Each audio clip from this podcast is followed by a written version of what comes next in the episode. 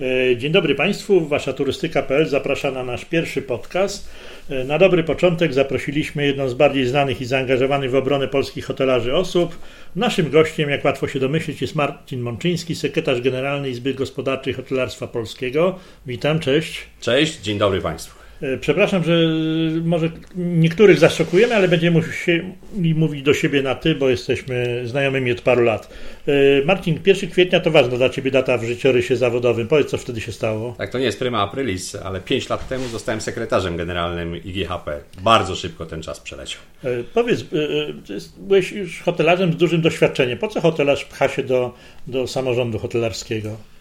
No, po pierwsze, Warto być w samorządzie to jest e, taki klub. E, niektórzy mówią, że elitarny, który wymienia się wiedzą, doświadczeniem, również e, dużo przyjaźni się nawiązuje. No a w tych dzisiejszych czasach covidowych przede wszystkim to jest skarbnica dużej wiedzy, którą każdego dnia przesyłamy naszym członkom.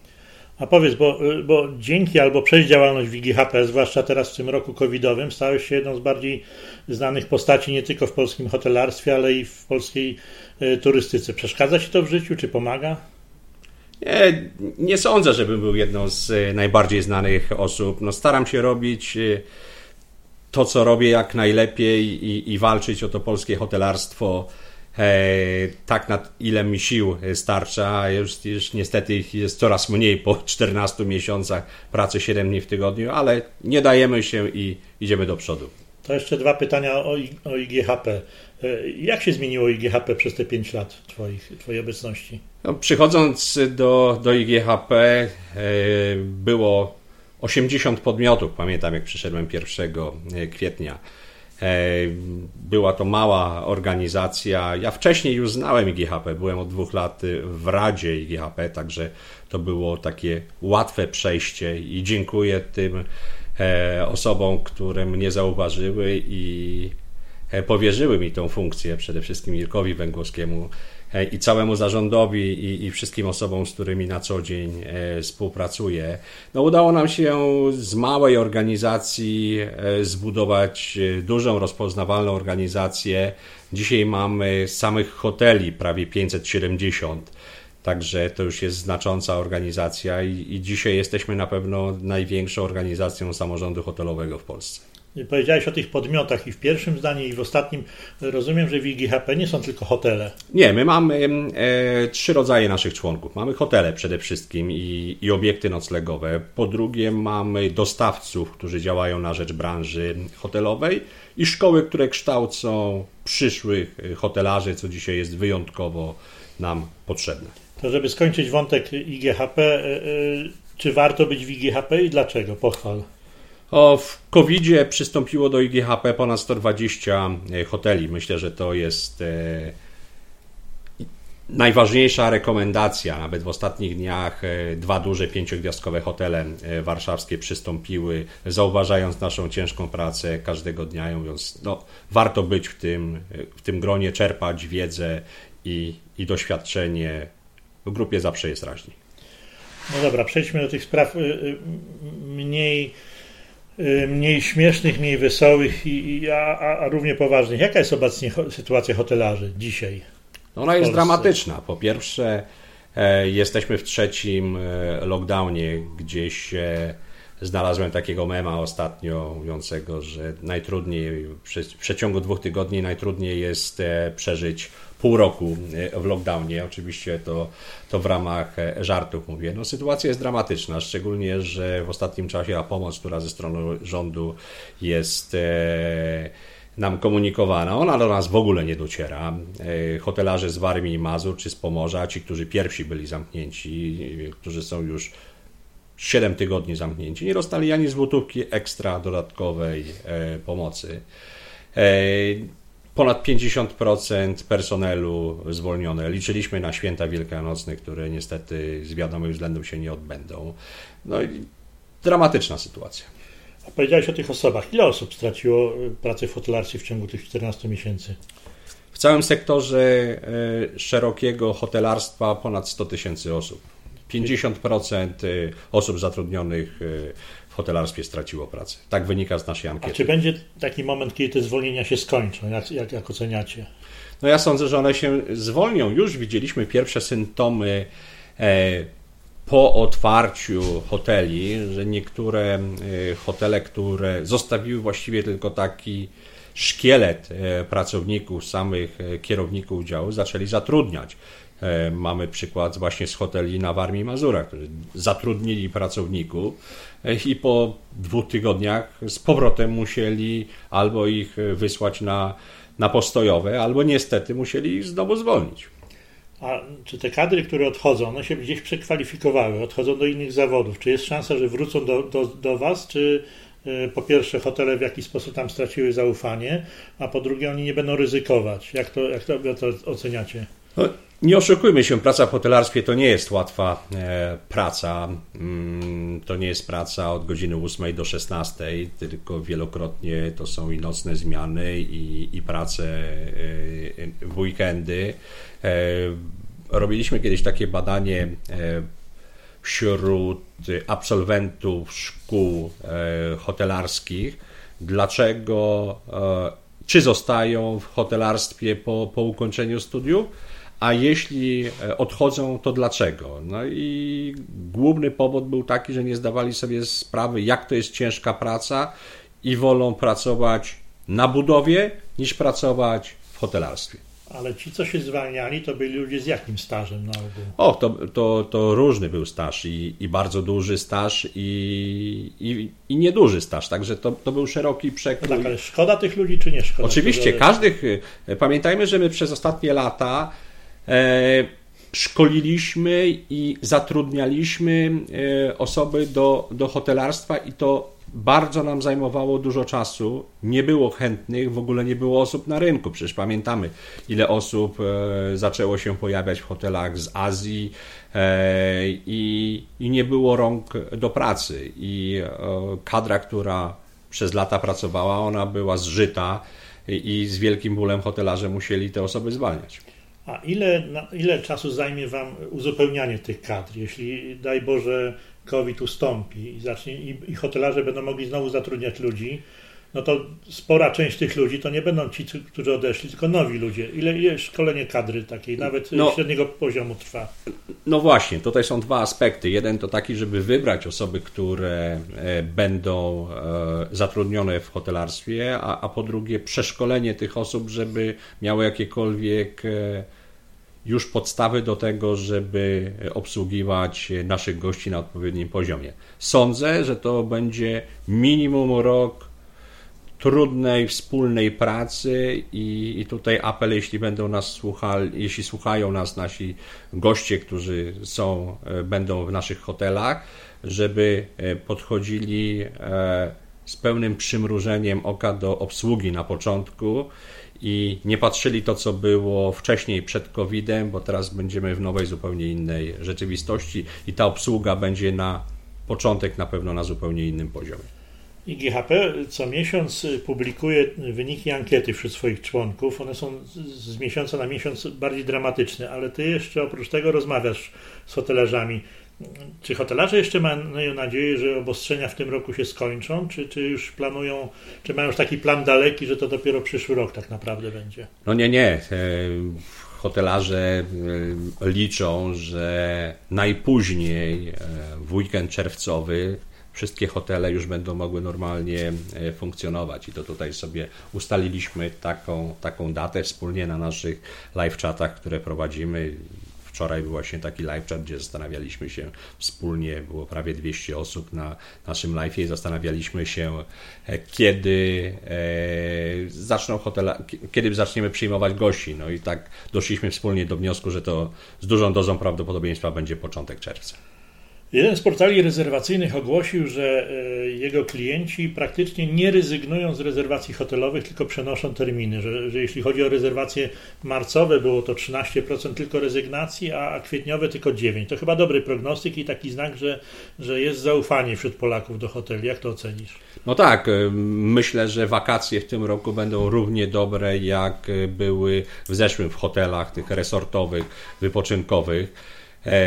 Polacy będą chcieli spędzać je, je w Polsce. patrzmy, co się dzieje dzisiaj z testami. Raz jest kwarantanna, za chwilę testy, nie wiadomo, co jeszcze dalej będzie. Także dla wielu osób spędzenie wakacji w Polsce również z tych względów na przepisy i na, na kwarantannę, którą będą prawdopodobnie musieli przejść, no jest bezpieczniejsze.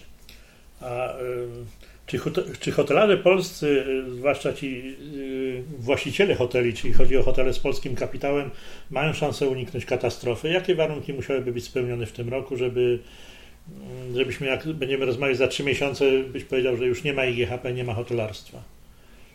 E, po pierwsze musimy popatrzeć na, na cały przekrój polskiego hotelarstwa. Hotele miejskie, hotele konferencyjne, one krwawią od 14 miesięcy. Właściwie nic się w tych hotelach nie dzieje. No, jeśli średnie obłożenie w hotelach krakowskich jest na poziomie 5 do 10% e, przez ostatnie 14 miesięcy versus rok 2019, gdzie średnio było obłożenie 80%, to pokazuje dramat sytuacji, jaki znalazło się polskie hotelarstwo. Troszeczkę lepiej jest w hotelach tych resortowych, o których wcześniej mówiliśmy.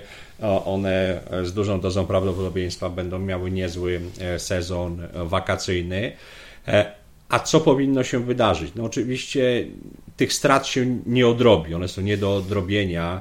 My możemy tylko e, myśleć, ażeby kolejne straty się nie, nie pojawiały i przede wszystkim otwarcie hoteli otwarcie w 100%. To znaczy gastronomia, to znaczy możliwość organizowania e, konferencji, organizowania e, imprez okolicznościowych. E, wielokrotnie dziennikarze pytali mnie w wywiadach, no super, jesteście otwarci w 50%, to znaczy, że już możecie zarabiać. Po pierwsze, takim progiem e, średniej opłacalności to jest właśnie frekwencja na poziomie 50%, a pamiętajmy, że e, do tego koszyka przychodowego duże znaczenie mają również inne obszary działalności hotelowej, właśnie sektor konferencyjny, gastronomiczny, imprezy okolicznościowe i tak na dobrą sprawę to my nie działaliśmy w 50%, tylko maksymalnie w 20-25%.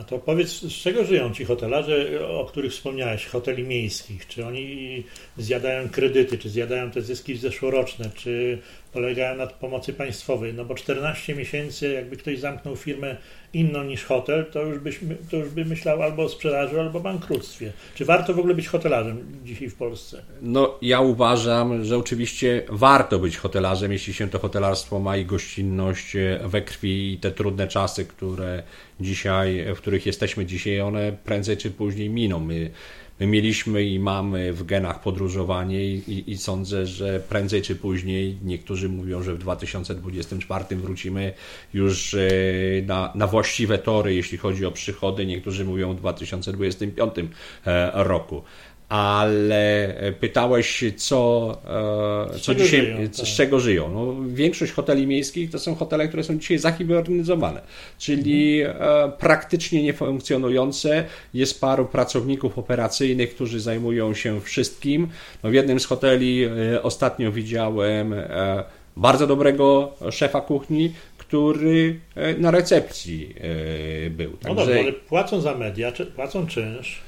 E, no tak, to pamiętajmy, że, że jednak jakaś e, pomoc ze strony państwa e, spłynęła. Oczywiście mm, ta pomoc z naszych też ankiet wynikało, że ona była na poziomie średnio 15% kosztów z 2019 roku, no ale jakaś to, to, to pomoc była. Jest oczywiście problem z firmami, które według PFR-u traktowane są jako duże podmioty mimo, ze względu na powiązania kapitałowe i to jest duży problem, bo w większości te firmy nie dostały jakiejkolwiek pomocy z PFR-u.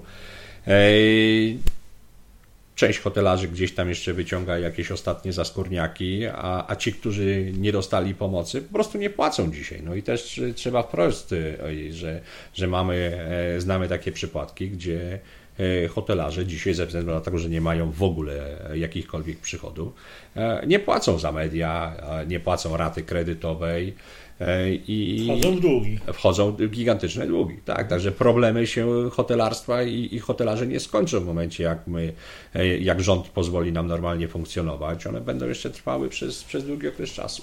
Zacząłeś trochę o tej pomocy. Powiedz, jak oceniasz te, te w zasadzie 13, no 12 miesięcy pomocy rządowej? Powiedziałeś, że w 15% oceniają to hotelarze, że rozumiem, że chodzi o finanse, które pomogły y, przetrwać. Tak? Nie, nie.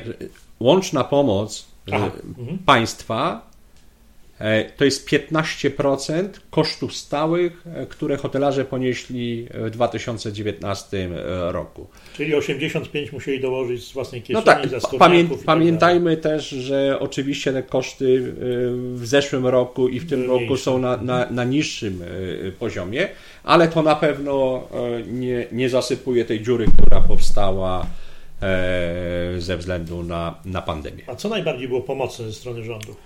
Ja myślę, że, że, że mimo wszystko tarcza PFR 1.0, e, ona, w ogóle popatrzmy na to jeszcze inaczej. Na samym początku pandemii faktycznie ta pomoc w miarę szybko do nas spływała, e, zarówno z PFR-u, jak i e, umorzenia z ZUS-u, WUP i, i PUP działał szybko i, i sprawnie. Niestety dzisiaj obserwujemy, już powrót do starych, e, nie powiem dobrych czasów, ale gdzie na decyzję czeka się bardzo długo. E, znamy przypadki, gdzie e, WUPy i PUPy nie rozpatrzyły jeszcze wniosków o dofinansowanie wynagrodzeń ze stycznia tego roku. Mówisz o wojewódzkich i. E, tak, i powiatowych. powiatowych tak, przepraszam, już używam takich skrótów Jasne. w nomenklaturze. A y, y, jakiej pomocy najbardziej brakuje hotelom ze strony rządu? Po pierwsze, przewidywalności. Przewidywalność jest e, najważniejsza. Mamy tak, otwieramy, zamykamy, otwieramy, zamykamy. Nie ma żadnej mapy drogowej. My wielokrotnie apelowaliśmy e, do rządu, żeby ołówkiem, ale żeby nakreślić mapę drogową e, powrotu do normalności. E, taką mapę zrobili Hiszpanie, taką mapę zrobiła Wielka Brytania. Powiedz, powiedz coś o tych przykładach hiszpańskim lub wielkobrytyjskim. No oni określili, kiedy poszczególne etapy odmrożeń nastąpią. Oczywiście zaznaczeniem i widzimy e, w Wielkiej Brytanii, że troszeczkę to się zmieniło, ale gdzieś coś można e, planować konferencje i, i, kongresy, te duże wydarzenia, no one na stryknięcie palca się nie odbywają. To wszystko trzeba zaplanować. To tak samo inne imprezy, które odbywają się w hotelach. To, że rząd nam pozwoli funkcjonować, to jeszcze nie będzie oznaczało, że następnego dnia przyjadą dziesiątki autokarów z turystami e, do Krakowa jak hotelarze oceniają, jak ty oceniasz y, ciągłe zakazy noclegów w hotelach? Przecież to się kupy nie trzyma. Czym się różnią na przykład hotele robotnicze, y, w cudzysłowie robotnicze, bo tak chyba nie ma w takich w definicji, od tych, które, które normalnie funkcjonują. Czy one mają lepsze warunki, hotele robotnicze, czy tam się nie zakażają te grupy, które tam nocują?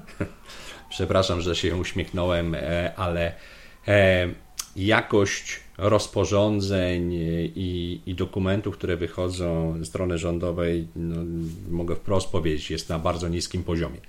E, I e, my wielokrotnie zwracaliśmy uwagę na różne rozbieżności. No, w niektórych rozporządzeniach e, w artykule pierwszym coś jest napisane, a w artykule trzecim, artykuł trzeci zaprzecza temu, co jest w artykule pierwszym napisane. Także no niestety jakość rozporządzeń jest, jest dosyć słaba i to dyplomatycznie mówię dosyć słaba. Jak ja to oceniam? Pamiętajmy, że podczas pierwszego lockdownu rząd zamknął wszystko na cztery spusty. No i szybko się okazało, że niestety tak nie może to funkcjonować. E, są pewne grupy zawodowe, które mimo lockdownu muszą się przemieszczać ze względu na chociażby e, infrastrukturę i zabezpieczenie infrastruktury, czy energetycznej, czy telefonii komórkowej, czy innych, i, i muszą przebywać w tych hotelach. Stąd się pojawiły te e, różne grupy zawodowe, które mogą w hotelach nocować. Wyjątek dotyczący hoteli robotniczych, myślę, że to też był spowodowany tym, że, że odbywają się pewne duże inwestycje e, w Polsce. i, i w hotelach mieszkali i mieszkają pracownicy, i stąd taki nastąpił wyjątek ale moim zdaniem on nie do końca dobrze został e, sformułowany, można było to w zupełnie inny sposób zrobić, podobnie jak delegacje. Przecież to, co się działo pod koniec zeszłego roku i, e, i na początku tego roku do, z delegacjami służbowymi i ile gromów e, na, na hotelarzy ze strony rządowej spadło, w tym również na mnie. E, że, że hotelarze oszukują, a można było to zupełnie inaczej zorganizować e, i hotelarze po pierwsze nie łamali prawa, bo zawsze brali oświadczenie od e, gościa i to gość musiał oświadczyć i, i oświadczenie nieprawdy jest odpowiednimi przepisami kodeksu karnego podlega tym przepisom, także no jest, jest jak jest. Mhm. Wy, to znaczy hotelarze, a w zasadzie IGHP, bardzo szybko, chyba jako pierwsza grupa, przygotowaliście warunki, jakie powinny być spełnione w hotelach nawet w czasie lockdownu, czyli tego pierwszego. Wypunktowaliście, to było, nie wiem, ponad 30 punktów y, higieny i bezpieczeństwa, nazwijmy tak. to w skrócie. A czy strona rządowa prze, prze, prze, pokazała Wam jakiekolwiek badania świadczące przeciwko Wam, że hotele są wyjątkowo niebezpieczne, no bo zawsze hotele padają w pierwszej linii y, tą ofiarą decyzji rządowej, że nie zamkniemy galerii słynnych, nie zamkniemy y, y, no, kościołów choćby, a zamykamy hotele, bo to są wylęgarnie nieczystości, brudu i chorób wszelkich. Czyli tak, na, na, na początku pandemii pokazywano nam e, pewne badania, które e, amerykańskie na początku, gdzie my mówiliśmy wprost, że nie możemy się porównywać do Stanów, bo po pierwsze, tam chociażby nie ma odpowiednika naszego sanepidu ani, ani GIS-u, tam są zupełnie inne uwarunkowania. Również te osoby, które były w amerykańskich hotelach i myślę tutaj takich o trzy, między dwie a trzy gwiazdki, no widzą, że tam z porządkiem w tych hotelach bywa wielokrotnie różniej czystością. E, my uważaliśmy, że nasze hotele są bezpieczne i, i dopiero po, po otwarciu, po drugim lockdownie, gdzie były zmasowane kontrole sanepidu, GIS-u, policji, e, pan minister Niedzielski na konferencji powiedział tak, faktycznie w hotelach jest bezpiecznie i ponad 17 tysięcy kontroli, e, które się odbyły było tylko i wyłącznie parę e, pouczeń. Ja myślę, i to należy sobie też wprost powiedzieć, że e, samo zło nie jest w hotelach, tylko rząd przez to, że nie prowadził stanu e, wyjątkowego i nie ma zakazu przemieszczania się, to próbuje Polakom uprzykrzyć przemieszczanie się, zamykając hotele. I hotele są tutaj, no, można powiedzieć, kozłem ofiarnym tego, co się dzieje. Mhm, bo te y, wspomniane warunki otwarcia hoteli wy konsultowaliście z, nie wiem, z ludźmi zajmującymi się medycyną, zakażeniami, tak, GIS-em. Tak, oczywiście. My mieliśmy długie konsultacje z GIS-em i zresztą większość hoteli te wszystkie obostrzenia i nasze rekomendacje wprowadziła. Stąd właśnie między innymi sądzę, że tak dobrze zdany egzamin e, po drugim lockdownie, przy tak wielkiej ilości zmasowanych kontroli, które się odbyły. Wspomniałem dzisiaj już o wynikach badań e, jednego z, z portali rezerwacyjnych. Tam e, py, pytani klienci tego portalu o to, czemu się decydują na noclegi w hotelach polskich, na pierwszym miejscu i to duży bardzo procent wymienili właśnie bezpieczeństwo, że się czują bezpiecznie, że, że, że widać było e, w tym czasie, kiedy hotele były otwarte, widać było, że hotele poważnie traktują to bardzo.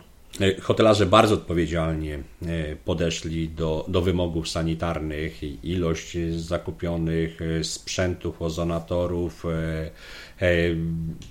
urządzeń do dezynfekcji, płynów do dezynfekcji, maseczek, pleksji, no była na, na bardzo dużym poziomie i faktycznie ja, ja też podróżowałem wielokrotnie E, po hotelach i czułem się w tych hotelach e, bezpiecznie. Od początku uczestniczysz w rozmowach ze stroną rządową e, i powiedz tak w skrócie, jak przebiegały te rozmowy od początku, bo, bo jak było ze zrozumieniem na przykład problemów z waszej strony? No, wydawałoby się, że minister Gutmostowy, sam hotelarz, powinien w mig rozumieć wszystkie wasze problemy i w ogóle klaskać wam, mówić tak, tak, tak. No tak, e, popatrzmy na to jeszcze e, trochę z historycznego punktu widzenia. Departament Turystyki został e, przeniesiony z innego ministerstwa do, do bardzo dużego Ministerstwa Rozwoju, teraz Pracy i Technologii. Wtedy to było Ministerstwo Rozwoju. I, i, I, sądzę po pierwsze, że mm, oni też musieli się zadomowić w tym, w tym wielkim e, ministerstwie i, i poznać e, wszystkie arkana pracy w tak dużym e, urzędzie. Pan minister Andrzej Gutmustowy, z którym często się e, kontaktujemy i, i, mamy, wydaje się, dobre relacje, no od niego niestety wszystko nie zależy. Centrum e, dowodzenia jest w Ministerstwie Zdrowia, a niestety nie w Departamencie Turystyki Ministerstwa Rozwoju Pracy i, i Technologii. No dobrze, a na ile teraz konkretne są rozmowy z żoną? Powiedziałeś, że wróciło do, do tych starych nawyków, że rozmowy trwają, a potem decyzje, proces decyzyjny trwa bardzo długo, za długo. Tak, no ja myślę, że po pierwsze, że dzisiaj e, nie ma już za dużo pieniędzy e, w budżecie i, i już takiego pełnego zrozumienia, jakie było na początku lockdownu, e, też nie ma. E, strona rządowa mówi, że wsparła przedsiębiorców kwotą ponad 250 miliardów e, złotych i, i że to powinno e, wystarczyć. I dzisiaj te rozmowy są bardzo trudne i my posuwamy się jeden krok do przodu, dwa kroki do tyłu. Czy teraz, czy teraz rozmawiacie bardziej o pomocy, czy już o tym, żeby że jednak wrócić do tej sytuacji, żeby hotele zostały otwarte, skoro są bezpieczne? No tak, no dzisiaj nikt nie chce rozmawiać o otwarciu hoteli, e, w sytuacji, w jakiej się znajdujemy i, i, i w tym, jak szpitale i nawet szpitale już tymczasowe są praktycznie przepełnione. E, my dzisiaj rozmawiamy tu i teraz e, o, o pomocy, bo znowu premier trzy tygodnie temu na konferencji powiedział o, o dodatkowej pomocy i, i tej pomocy e, fizycznie nie ma. No, Też w tym tygodniu powtórzył, że ty... zostanie to przedłużone na kwiecień. No, no tak, tylko że kwiecień e, jest dzisiaj e, i, no, i nic, nic nie wiemy. Też pamiętamy wypowiedzi pana premiera Gowina, który mówił o wsparciu przedsiębiorców na Warmii i Mazurach, bo to był ten pierwszy E, region w Polsce, pierwsze województwo, które zostało ponownie zamknięte. Tam wielokrotnie padała kwota 300 milionów złotych i do dzisiaj tych pieniędzy tak samo nie widać. Mhm. Chodzi, wróćmy do, do, do, sytuacji finansowej hoteli. Czy, czy są hotele poważnie zagrożone bankructwem, czy może już jakieś zbankrutowały? I, czy są rzeczywiście jakieś ruchy na rynku y, hotelarskim? Bo krążą plotki, że mm, pojawili się inwestorzy mniej lub bardziej tajemniczy y, z walizkami pieniędzy i są oni chętni kupować polskie hotele. Jak to jest tak, naprawdę? Na, na, szczęście jeszcze żadnych dużych, spektakularnych e, bankructw nie mam. Mhm. I, I mam nadzieję, że to jest też również jakaś e, zasługa naszej pracy i walki o, o dodatkowe wsparcie dla, dla hotelarzy. Nie wiem, jak dalej będzie wyglądała sytuacja, czy nie pojawią się e, pierwsze e, bankructwa. Faktycznie fundusze i inwestorzy e, z walizkami pieniędzy krążą, no bo jeśli jest trudna sytuacja, to zawsze się ktoś znajdzie, kto będzie chciał na tej trudnej sytuacji zarobić i za 40% wartości nieruchomości kupić jakiś obiekt. Na szczęście dzisiaj nie ma takich transakcji i chciałbym, żeby do takich, do końca pandemii jeszcze co najmniej przez kolejny rok do takich no transakcji tak, tak. Co najmniej jeden inwestor na rynku polskim hotelowym y, zaczyna, ogłosił wyprzedaż swoich apartamentów. To jest nietypowy, jak wiesz, inwestor. Ma i hotele i apartamenty i zaczął te apartamenty sprzedawać. Czy to jest znak, że szuka gotówki, czy to jest znak bardzo złej sytuacji, czy o co chodzi, jeśli chodzi o rynek hotelarski? No, każdy szuka jakiegoś rozwiązania. Ja, ja nie jestem w środku w tej firmie i, i nie wiem, e, dlaczego podjęli taką decyzję. E, no, no, też proszę pamiętać, że niektórzy hotelarze na przykład e, przerabiają pokoje hotelowe na wynajem długoterminowy. No, szukamy różnych rozwiązań, które pomogą przetrwać ten trudny czas. Wy chyba ogłosiliście w zeszłym roku, nie wiem jak się to potoczyło, taki program samorządy czy gminy przyjazne hotelarzom. Tak. Y, powiedz, jak samorządy pomagały? Czy, czy wiele spotkałeś takich sytuacji samorządów, że obniżyły czynsze, na przykład gruntowe lub, lub y, podatki? No niestety nie było tych gmin e, za dużo i to z ubolewaniem muszę powiedzieć. Z drugiej strony oczywiście też rozumiem sytuację e, gmin, które są też w bardzo trudnej e, sytuacji.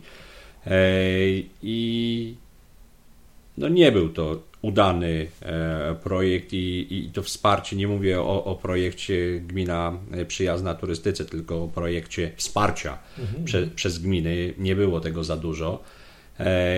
E, I... Ale czy były w ogóle jakieś takie chwalebne tak, przypadki? Tak, tak, były, były chwalebne, chociażby e, Augustów, który bardzo szybko i sprawnie umorzył E, Poznań też e, umarzał, ale on się boryka z innymi problemami, problemami prawnymi, w jaki sposób e, można umorzyć. Też należy pamiętać, że, że takie umorzenie, i dlatego na, na początku powiedziałem, że też rozumiem sytuację mhm. gmin, ponieważ o kwotę umorzenia subwencja ze strony państwa jest pomniejszana, czyli tutaj w tym momencie Dwukrotnie taka gmina e, niestety traci A napływa Pieniądze z osławionego e, Krajowego Programu Odbudowy e, pomogą hotelarzom w przetrwaniu, czy raczej jest ten przekaz, że macie się przebranżowić? Adam, no ja, ja, ja zawsze pokazuję w ostatnich e, swoich wypowiedziach e,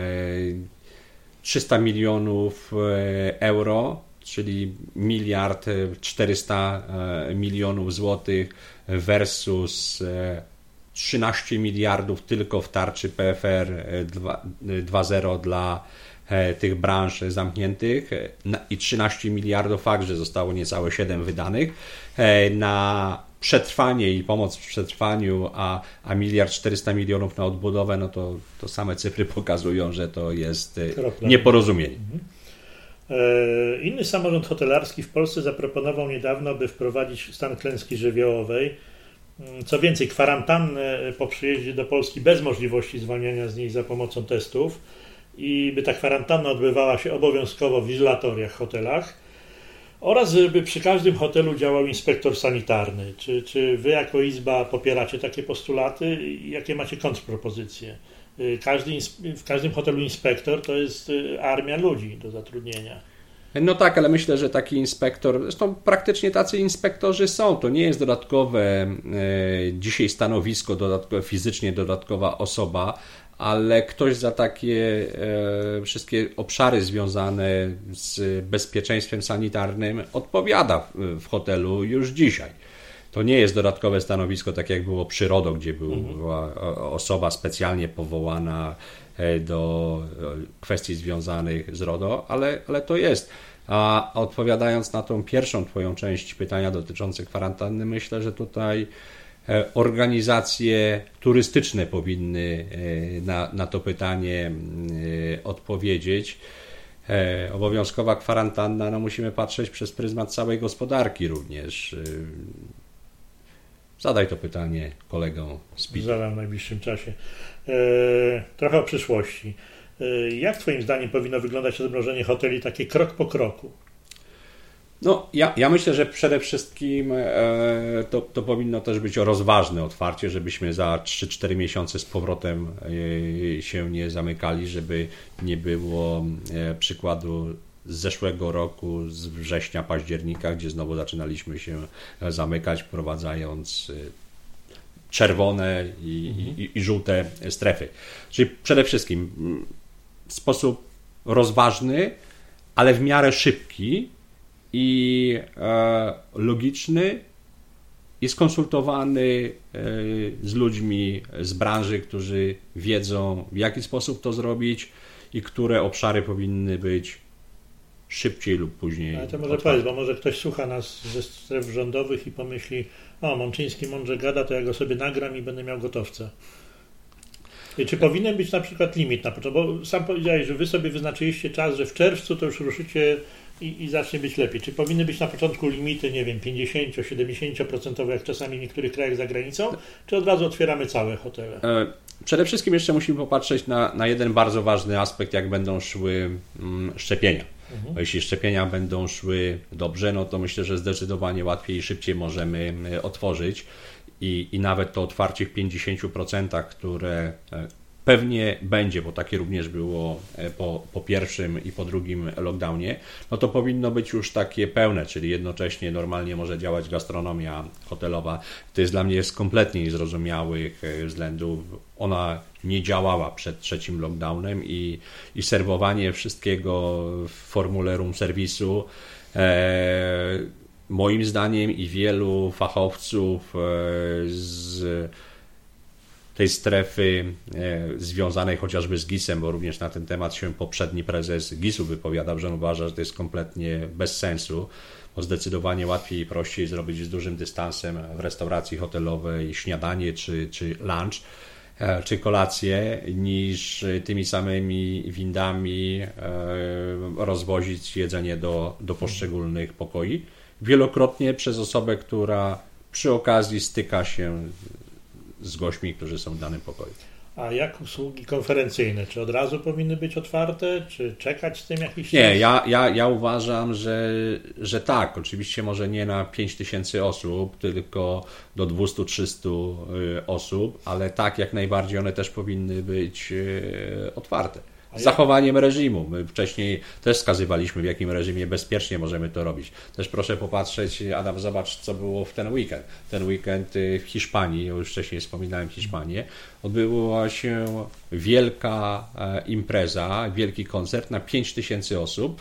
Każda z osób e, została szybko przetestowana i można było taką imprezę zrobić. Zresztą my w zeszłym roku byłeś na forum hotelarzy IGHP. My też chcieliśmy pokazać właśnie stronie rządowej, że można bezpieczne wydarzenie zrobić, każdego testując przed, przed wejściem. A czy właśnie, czy, czy wy rozważacie taką opcję, że otwieramy hotele, otwieramy je na maksa, ale z obowiązkiem testowania w okolicach recepcji, na wejściu, mówiąc tak kolokwialnie. No, rozmawialiśmy nawet wczoraj na ten temat. Oczywiście, że jest to jakiś e, wariant, szczególnie, że dzisiaj już te testy e, genetyczne są zdecydowanie tańsze i, I krótsze, i, krótsze i e, sam gość może wymaz sobie zrobić z ust, nie trzeba specjalistycznego personelu medycznego. E, tylko patrzmy jeszcze na to e, z jednej strony. Jeśli ktoś przyjeżdża na tydzień, na dwa tygodnie do hotelu, to i tak nie wykaże to. to ale tutaj bardziej pod względem kosztowym patrzę. Mhm. To, to jeśli taki test kosztuje 50 zł, to on w ogóle tego nie zauważy. A jeśli przyjeżdża na jedną dobę do hotelu miejskiego i płaci 150 zł, a przypominam, że hotele miejskie są najbardziej dotknięte w pandemii, to jeszcze dodatkowa opłata może spowodować już u niektórych, że nie będą chcieli do tych hoteli miejskich e, przyjechać na jedną noc. Oczywiście dłuższy pobyt jak najbardziej. Ta kwota znika. Te decyzje rządowe o otwarciu, o zamrożeniu na ogół przebiegają dość nagle. Potem rozporządzenie ukazuje się, tak jak wspomniałeś, czasami z niewyjaśnionymi y, poprawkami, ale na ile y, wcześniej powinien być wyraźny znak dany hotelarzom, y, być może nawet rozporządzenie wydane, że nie tak jak bywa to wieczorem w piątek, że od poniedziałku macie ruszać, tylko na ile wcześniej, żeby hotelarze mogli wszystko przygotować. Tak jak wspomniałeś, no, trzeba na przykład rzucić sygnał wszystkim organizatorom przemysłu spotkań, że u nas można organizować imprezy, prawda, że jesteśmy gotowi. Tak, no ja, ja myślę, że minimum, e, ale tutaj nie mówię o konferencjach, mhm. tylko o, w ogóle, o, o, w ogóle o otwarciu, bo to, to jest skomplikowane, e, skomplikowana wręcz fabryka. To nie jest jeden przycisk, że się wyłącza maszynę i ona staje. To, to trzeba wszystko uruchomić. My rozmawialiśmy z hotelarzami z Warmii i Mazur e, po tym szybkim kolejnym zamknięciu. E, jakie oni ponieśli koszty. No, jeden z hoteli powiedział, że on na same ogrzanie wody w basenach wydał prawie 60 tysięcy złotych.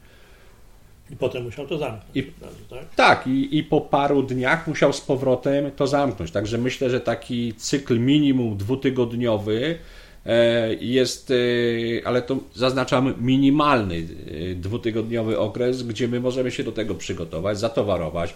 Osoby, które były na postojowym z powrotem, przywrócić do pracy, też im zrobić jakieś krótkie szkolenie. Też trzeba pamiętać, że no, my sami się rozleniwiamy siedząc przez 14 mm. miesięcy w domach i od pewnych nawyków dnia codziennego e, odchodzimy. Tak samo i, i pracownicy. To też im e, trochę zajmuje, zanim z powrotem wrócą do swoich codziennych obowiązków i że wałkujecie to stronie rządowej, że jeśli już chcecie nas otworzyć, to dajcie nam czas na przygotowanie, nie róbcie tego z dnia na dzień? My od samego początku mówimy e, o tym, że żebyśmy to w jakiś sposób planowali. E, po pierwsze przepisami, no, a po drugie, żeby też informacja była wcześniej, tak jak wspomniałeś, no nie może być tak, że rozporządzenie wchodzi o godzinie 23 E, i obowiązuje od godziny 001 i jeszcze nie wiadomo, co zrobić z gośćmi, którzy śpią z piątku na sobotę. Czy o godzinie 001 powinni opuścić hotel, czy mogą łaskawie do rana e, po śniadaniu dopiero się wyczekować z hotelu. A teraz będzie takie, możesz tutaj powiedzieć poezję nawet. Jak myślisz, co dalej z hotelarstwem w Polsce? No ja myślę, że oczywiście hotelarstwo będzie mocno poturbowane. My jesteśmy jedną z tych e, uważam, nielicznych mimo wszystko branż, które najbardziej ucierpiały na, e, na pandemii i na tych już prawie 15 miesiącach i miejmy nadzieję, że na tych 15 miesiącach to się e, zakończy. Wyjdzie mocno poturbowane, ale sądzę, że bardziej skonsolidowane, e, na pewno z większą bazą doświadczenia i które pozwoli szybciej zacząć się odbudowywać. Pewnie zadasz kolejne pytanie, kiedy hotelarstwo zacznie zarabiać? Nie, to, to boję się zadać pytanie. E, my, e, inaczej, to powiem tak, myślę, że e, zacznie wracać powoli do normalności, czyli do takich poziomów obłożeń i, i refparów z roku 2000 17, już nie mówię o tych ostatnich wspaniałych latach, myślę, że 2-3 lata to zajmie mimo wszystko. A co zmieniło się albo co się zmieni w hotelarstwie? Też w związku z COVID-em, bo wiadomo, że klienci będą zwracać uwagę choćby na bezpieczeństwo, na higienę, bo, bo się przyzwyczaili do tego, że się trzeba bać. Ale na przykład jedna z sieci hotelowych wprowadza, czy już wprowadziła cyfrowe klucze mówi się o wprowadzeniu wielu zdigitalizowanych usług.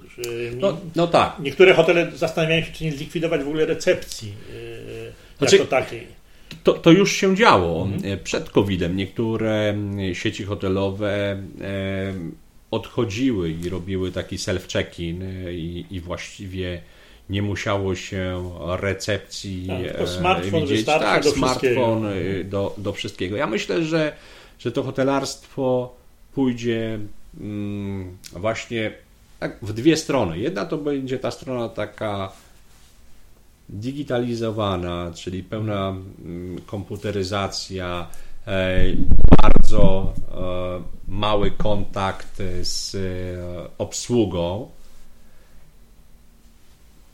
I w takich obiektach będą w miarę przystępne ceny i zostanie to takie prawdziwe hotelarstwo, jak pamiętamy jeszcze sprzed dawnych lat, gdzie każdy gość jest y, dopieszczany, takie butikowe, bardzo ekskluzywne, bardzo drogie, to tak nawiązując do restauracji z dawnych czasów mhm. i do kelnera, który on idąc do ciebie już wiedział, na co ma ciebie namówić z karty i tak to robił, że ty to zamawiałeś. Mhm, słyszałem taką opinię, że ta digitalizacja bardziej dotknie, znaczy nie dotknie, tylko obejmie hotele te masowe, a że, co może się wydać dziwnie, biznesmeni wolą czasami kontakt ten osobisty, wolą być e, w cudzysłowie dopieszczani przez recepcjonistkę, concierge'a e, czy dyrektora hotelu, który wie, że ten klient przyjeżdża kilka razy w roku i wie, jakie ma wymagania, ale woli z nim jeszcze raz porozmawiać, niż wklikać mu to w smartfonie. Nie no,